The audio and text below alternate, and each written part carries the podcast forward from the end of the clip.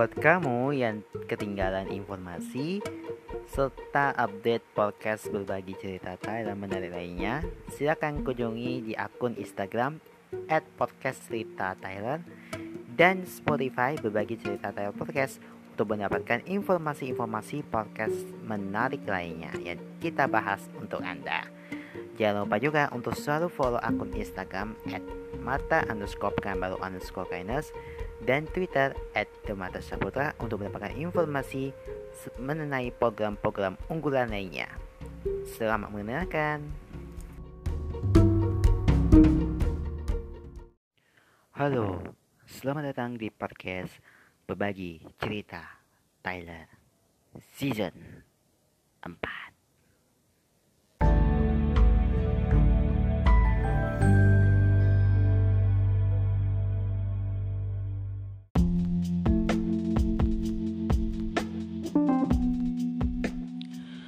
Oke, hari ini aku akan pakai kaos kaos putih abu-abu ya, kaos abu-abu sama celana pendek. Biar adem gitu lah ya.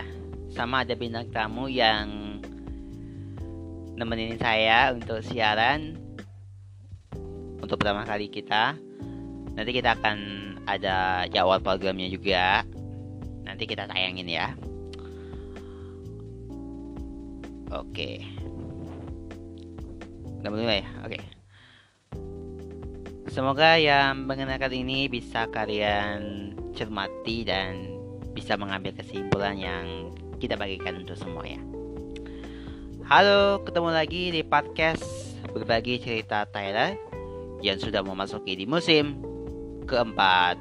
Aku Matika Saputra dan Tyler yang lagi apa ya lagi menjalankan misi kita doakan ya Tyler ya semoga kalian sehat selalu dan bisa apa namanya mengubah semangat hidupnya menjadi pencarian detektif yang baik. Oke. Kali ini saya tidak sendiri, kami ada teman dari karakter Tobot Galaxy Detektif Season 2 dia merupakan kakaknya dari Pinsun kalau salah ya Pinsun. Dan juga akan meng, apa namanya ya mengubah program membuat program yang tentunya ini bisa kita cerna dan bisa kita rasakan. Tapi sebelum kita ngomong itu ada pada si Tobat Galaxy Detektif Season 2 kita ada pengumuman ya pengumuman kabar bahagia dari kita mulai dari berita-berita dulu ya.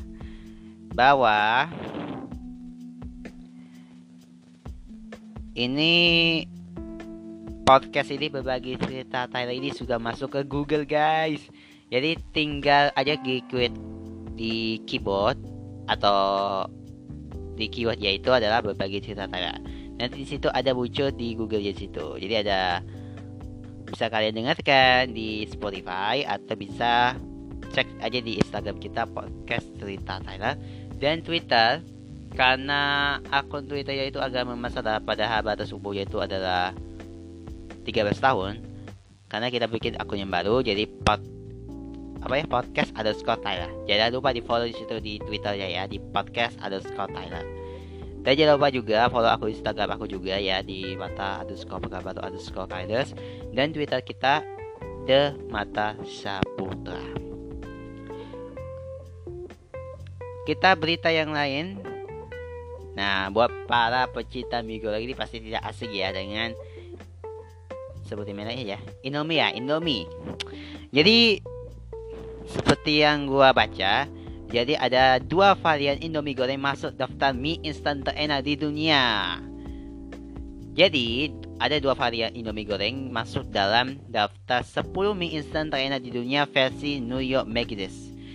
Daftar ini disusun berdasarkan penilaian para juru masak, kritikus makanan, penulis buku masak, dan pecinta kuliner di Amerika Serikat. Jadi dua varian tersebut yaitu Indomie goreng original dan Indomie goreng rasa ayam panggang yang masuk deretan kategori mie goreng instan terenak. Nah, selain kategori tersebut, penilaian juga dilakukan dalam kategori mie kuah instan terenak dan mie pedas instan terenak. Nah, dominasi produk mie instan kebanggaan orang Indonesia ini tentu ini membuktikan kezatannya yang mendunia. Indomie juga menjadi satu-satunya merek yang disebut oleh dua orang pakar yang terlibat dalam penilaian ini. Solehiho, kritikus restoran ternama dari media San Francisco, Colonix menyatakan, Indomie goreng original adalah sebuah terobosan dari mie yang gurih tanpa kuah kaldu. Rasanya gurih yang berasal dari minyak bawang dan bawang goreng dianggap belum ada tandingannya. Jadi makanan ini mudah disajikan bahkan oleh anak-anak dengan cita rasa yang tetap terjaga. Dan selain itu, Ho juga menyatakan nih, Indomie bisa diolah dengan berbagai cara. Ia kerap menggorengnya dengan sangat cepat di wajan sehingga mendapatkan rasa yang enak dan smoky. Nah, sementara itu uh, Indomie goreng. Sebentar dulu ya. Nah, selain itu Indomie goreng rasa ayam panggang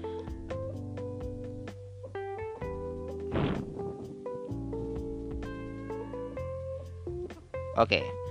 Jadi sementara itu Indomie goreng rasa ayam panggang direkomendasikan oleh Lucas Kwan Pedersen kolumnis makanan media uh,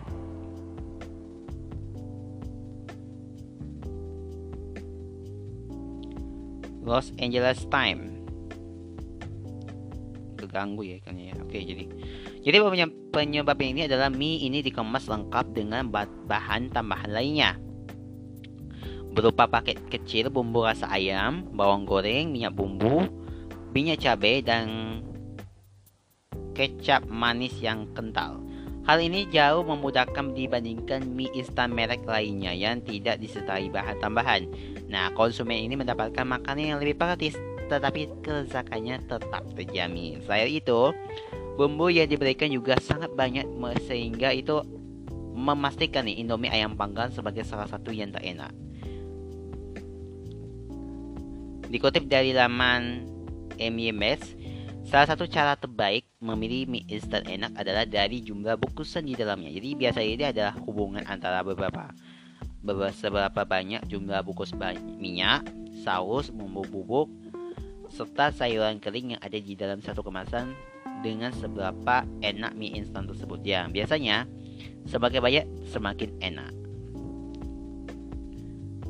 Oke, ada info yang kita bisa sampaikan ya. Yang pertama itu adalah podcast kita itu sudah masuk ke Google. Dan mudah-mudahan mudah-mudahan ya. Semoga podcast ini bisa masuk ke top podcast dan juga masuk ke top episode. Amin dan saya mengucapkan juga untuk selamat ya buat Indomie karena sudah mengharumkan negara kita untuk dunia dengan sajian Indomie Oke. Kali ini bersama aku Bada dan saya Mata Saputra masih menemani kita dan sebelumnya kita telah apa ya membuat kesepakatan tentang program yang kita dudukan. Ini program ini bercerita tentang Bada. Ini bisa menjadikan ladang untuk menginspirasi dan sekaligus mencari tahu nih dan mencari yang lebih dalam tentang pengalaman-pengalamannya tak pernah terlupakan dan disajikan dalam satu buku jurnal atau harian. Tapi kalau kita lihat dari sisi baiknya, dari sisi badan ini memang paling cocok untuk jadikan program ini karena satu program aja itu gak akan cukup. Pasti ada beberapa program-program yang kita bisa tampilkan, jadi kita kurang bagus atau kurang image. Jadi dengan program inilah yang bisa menjadikan ladang inspirasi sekaligus memiliki peluang usaha yang lebih banyak, yang lebih tahu, mencari tahu, dan lebih mendalam lagi dan lebih mencari dalam tahu lagi tentang bagaimana si sosok si Bada ini yang kerap kali men, apa menjadikan ini tokoh ini sebagai tokoh inspirasi bagi semua masyarakat ya.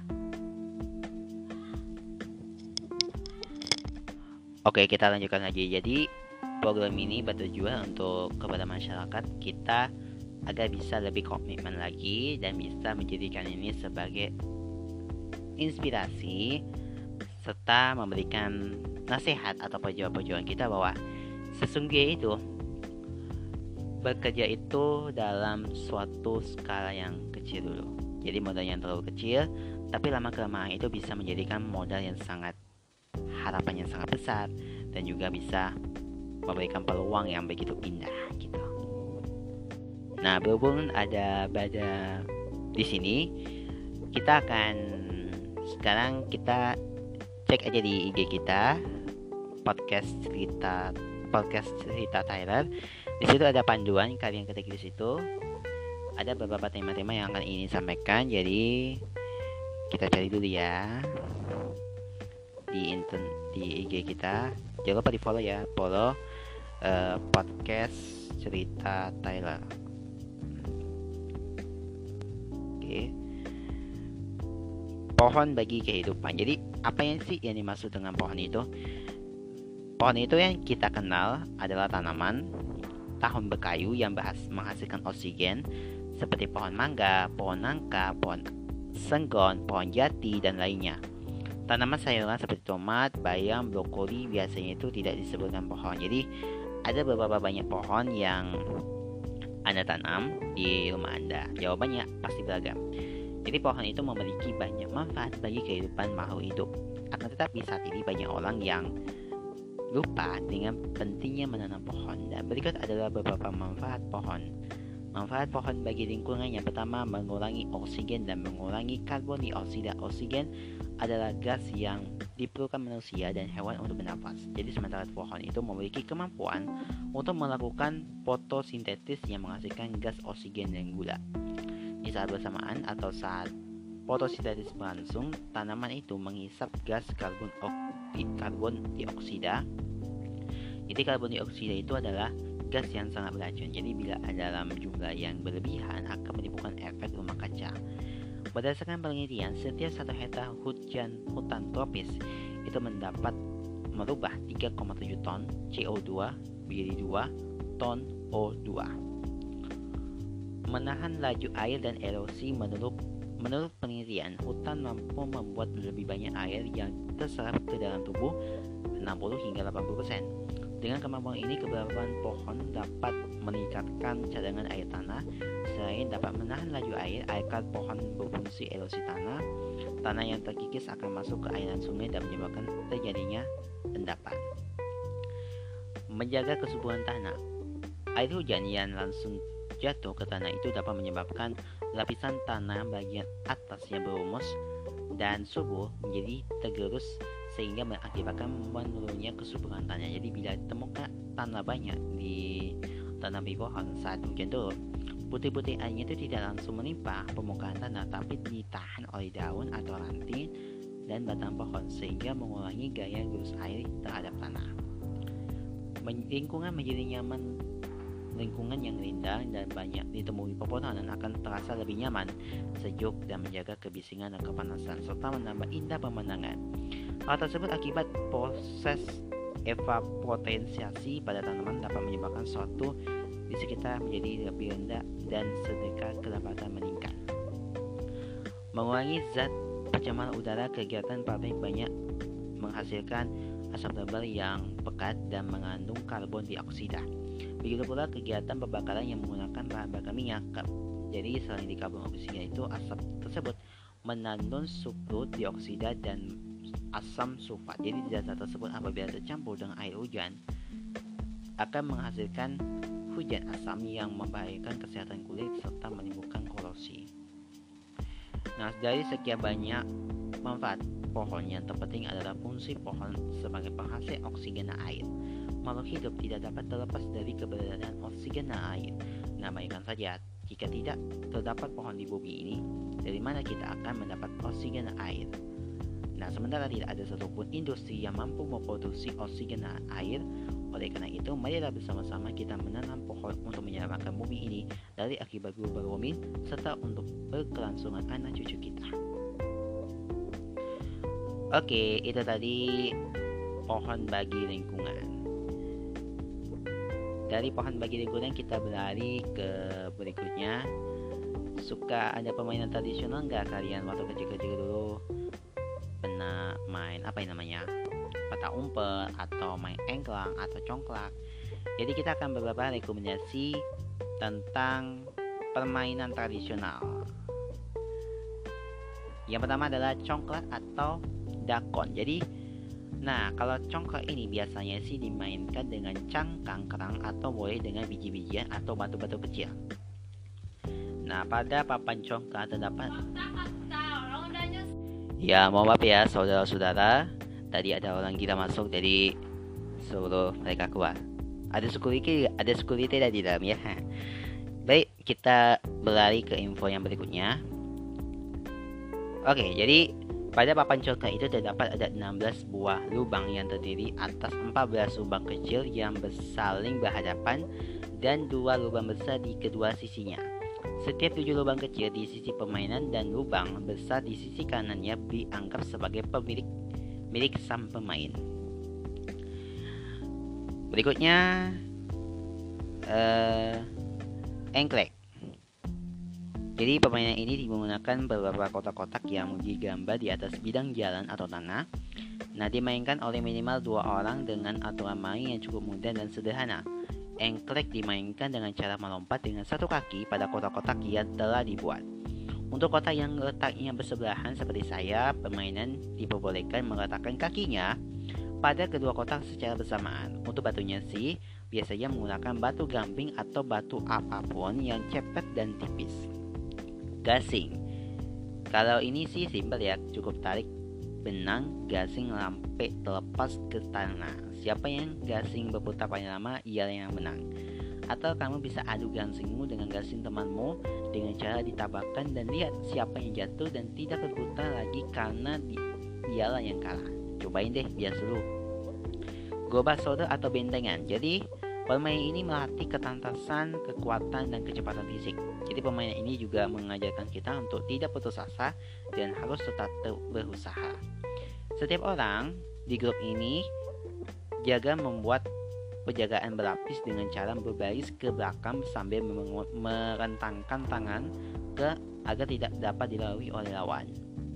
Nah, jadi di permainan ini anak berusaha untuk mengelabui lawan agar temannya dapat melewati garis.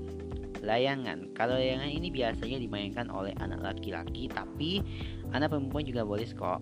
Caranya tarik benang layangan hingga layangan terbang melawan arah angin agar bisa terangkat ke atas. Jaga agar layangan tidak turun kembali dengan menarik-narik benang agar layangan tetap stabil. Uh, kamu juga bisa beradu layangan dengan temanmu dan siapa yang menang tidak putus maka ialah menang. Yang terakhir, ular tangga. Jadi permainan ini cukup sederhana. Mainkan dengan dua orang atau lebih. Kamu cukup kompimpa siapa yang ambil giliran duluan lalu kocok dulu dan lihat kamu jalan beberapa kotak. Siapa yang mencapai angka 100 duluan, maka ialah pemenangnya. Awas, hati-hati jangan sama ular. Nanti bisa bikin kamu kembali jatuh ke bawah deh. Nah, selain kamu untuk melestarikan permainan zaman dulu, kamu juga bisa melatih daya pikir dan ketangkasanmu.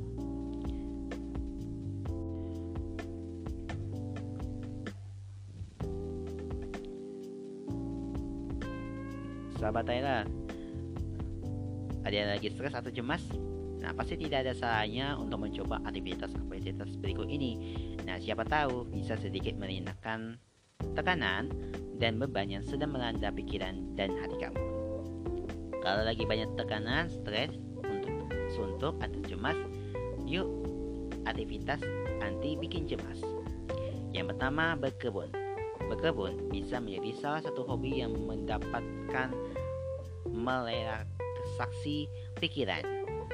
Selain itu, tanaman mampu menghasilkan oksigen dan membuat udara menjadi lebih segar dan dingin.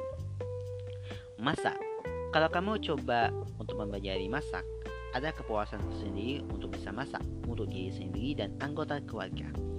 Ya, apalagi kan musim hujan setelah ingin akan tiba, yuk nyobain masak yang berkuah-kuah. Cocok banget tuh, yummy. Berikutnya, menggambar atau mewarnai. Menggambar juga bisa mengurangi stres loh. Bahkan dengan coret-coret secara acak di kertas saja sudah bisa mengurangi rasa tekanan dan cemas. Jika kamu tidak bisa menggambar, bisa beli buku gambar yang siap untuk diwarnai. Kamu bisa mengisi warna tersebut dengan pensil warna, cat air, atau krayon. Menjahit atau merajut. Kamu juga bisa mengurangi rasa stres dengan belajar menja menjahit atau men merajut. Ada beberapa penelitian menunjukkan dengan melakukan aktivitas merajut mampu membuat tubuh dan pikiran menjadi lebih rileks. Gerakan rimis dalam merajut mampu merangsang pembentukan hormon serotonin yang berperan juga untuk sebagai analgesis atau perendah nyeri. Yang terakhir adalah olahraga. Nah, ketika olahraga, berolahraga tubuh akan mengeluarkan hormon endorfin. Hormon ini membantu tubuh untuk melawan stres, menurunkan tingkat kecemasan dan mengedarkan depresi. Nah, olahraga yang disarankan untuk meredakan depresi dan kecemasan adalah yang bersifat rekreasional yang berupa permainan yang dilakukan bersama teman atau tim. Itu tadi anti cemas, anti stres, coba melakukan hal yang baru. Oke, setelah kita ngobrol-ngobrol, karena program ini akan segera. Kita nggak tahu kapan. Tapi yang pasti kita tunggu banget sama karya-karyanya. Jadi kita berdua Banda dan saya ini akan bertemu di podcast di tahun berikutnya ya. Nanti kita akan bikin podcast di kapan yuk? Kita belum tahu ya. Jadi mudah-mudahan kita sukses untuk bikin podcast ini semoga kita selangit untuk top podcastnya. Oke. Okay. oke okay, kita sudahin dulu ya episode kali ini.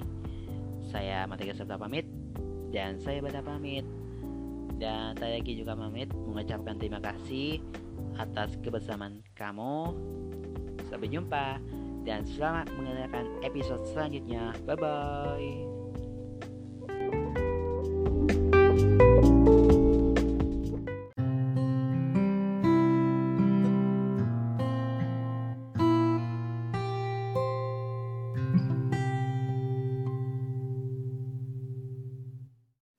Berbagi cerita Tyler hanya di Spotify.